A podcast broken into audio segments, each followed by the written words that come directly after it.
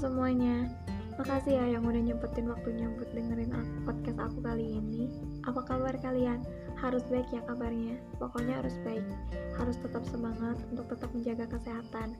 Harus tetap memiliki semangat hidup dan juga harus tetap semangat untuk tetap stay di rumah.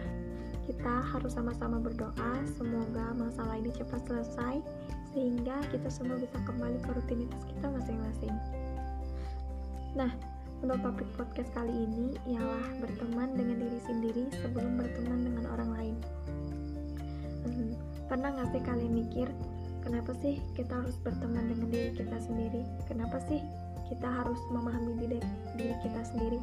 Apa sih pentingnya mengerti diri sendiri? Pasti ketika kalian merasa sendiri atau ketika kalian merasa kesepian, semua pikiran itu muncul di benak kalian, ya kan? Pasti itu akan muncul dan kalian secara tidak langsung akan memikirkan kenapa sih? Kenapa sih? Dan kalian bertanya kenapa dan kenapa? Nah manusia itu terakhir ke dunia ini sendiri. Begitupun meninggalkan dunia ini. Sejak kecil kita diajarkan untuk berteman dengan orang sekitar dan terjun ke dunia masyarakat. Tidak ada salahnya kan untuk berpikiran seperti itu? Hidup bersosial dengan orang lain adalah hal yang baik tetapi, terkadang kita melupakan sesuatu, yaitu kita lupa untuk berteman dengan diri sendiri. Kita lupa bahwa dasarnya kita harus lebih memahami diri kita sendiri. Kita harus memahami dan belajar untuk mengerti diri kita sendiri sebelum kita mengerti orang lain. Intinya, kita harus berteman dengan diri kita sendiri, kita harus berdamai dengan diri kita sendiri Baru setelah itu kita boleh berteman dan berdamai dengan orang lain. Teman itu bisa datang dan pergi kapan saja. Kesepian ketika berpisah dengan teman-teman setelah lulus sekolah, ataupun berpisah dengan teman-teman karena pekerjaan orang tua yang mengharuskan untuk pindah dari suatu tempat ke tempat lain. Bahkan, ada pun perpisahan yang tidak kita duga kapan waktu dan datangnya. Perpisahan itu sesuatu yang menyakitkan, bukan? Semisal, orang yang kita sayang tiba-tiba bernasib buruk. Secara otomatis dia akan pergi meninggalkan kita. Nah, secara otomatis kita akan merasakan sedih, kesedihan, dan kita akan merasakan kesepian.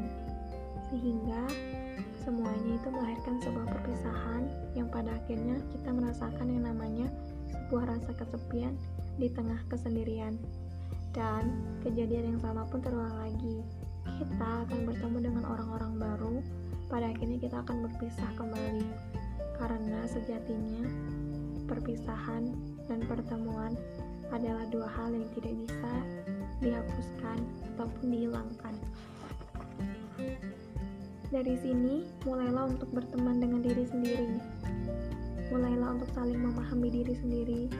Mulailah untuk berdamai dengan diri sendiri. Terkadang kita merasa takut sendiri, takut pergi ke mall sendiri, takut nonton sendiri, takut jalan-jalan sendiri, bahkan terkadang kita takut melakukan hal yang kita sukai sendiri. Sebenarnya, yang kita takutkan itu bukan rasa sendiri, tetapi mungkin saja kita takut akan pendapat orang, pandangan orang terhadap kita, bahkan pikiran orang terhadap kita. Mungkin kita akan takut dicap sebagai orang yang lonely, tidak punya teman, dan lain sebagainya. Padahal, bagi aku, sendiri pun tidak ada salahnya. Bahkan, ada sebagian orang yang lebih menyukai kesendirian. Mungkin sendiri itu membuatnya lebih merasa nyaman. Dari sini kita mengetahui bahwa sejatinya sifat orang itu berbeda-beda. Ada orang yang beranggapan bahwa sendiri itu menyebalkan, kesepian, dan menakutkan. Tetapi, ada yang beranggapan bahwa kesendirian itu lebih membuat merasa nyaman, tenang, dan bisa menenangkan hati dan pikiran. Bila kita sudah terbiasa sendiri, kita tak perlu takut jika rasa sepi itu tiba-tiba datang. Jika kita jika kita berteman dengan diri kita sendiri, melakukan hal apa pun demi membahagiakan diri sendiri, kita tidak akan merasa ketergantungan pada orang lain jika suatu saat orang-orang yang kita sayang itu menghilang dari hidup kita. Kita bisa berdamai dengan rasa sepi itu sendiri. Nah, untuk yang belum pernah melakukan hal yang disukai seorang diri, cobalah dimulai dari sekarang. Jangan takut dicap sebagai antisosial dan cari tahu apa yang membuat hati kita bahagia dan merasakan nyaman. Karena sejatinya hanya diri kita sendiri yang mengetahui apa yang akan membuat kita merasa nyaman dan bahagia. Perbanyaklah diskusi dengan diri sendiri. Mungkin itu akan menjadi penengah akan debat tak berkesudahan antara hati dan pikiran. Kalian semua pasti pernah merasakan kan? Ketika hati berkata ini dan pikiran berkata itu, terkadang keduanya saling berlawanan. Bahkan keduanya terkadang saling tidak bisa dimengerti. Nah, pokoknya mulai sekarang kalian harus lebih banyak diskusi dengan diri sendiri. Itu akan menjadi penengah kalian dalam perdebatan antara hati dan pikiran.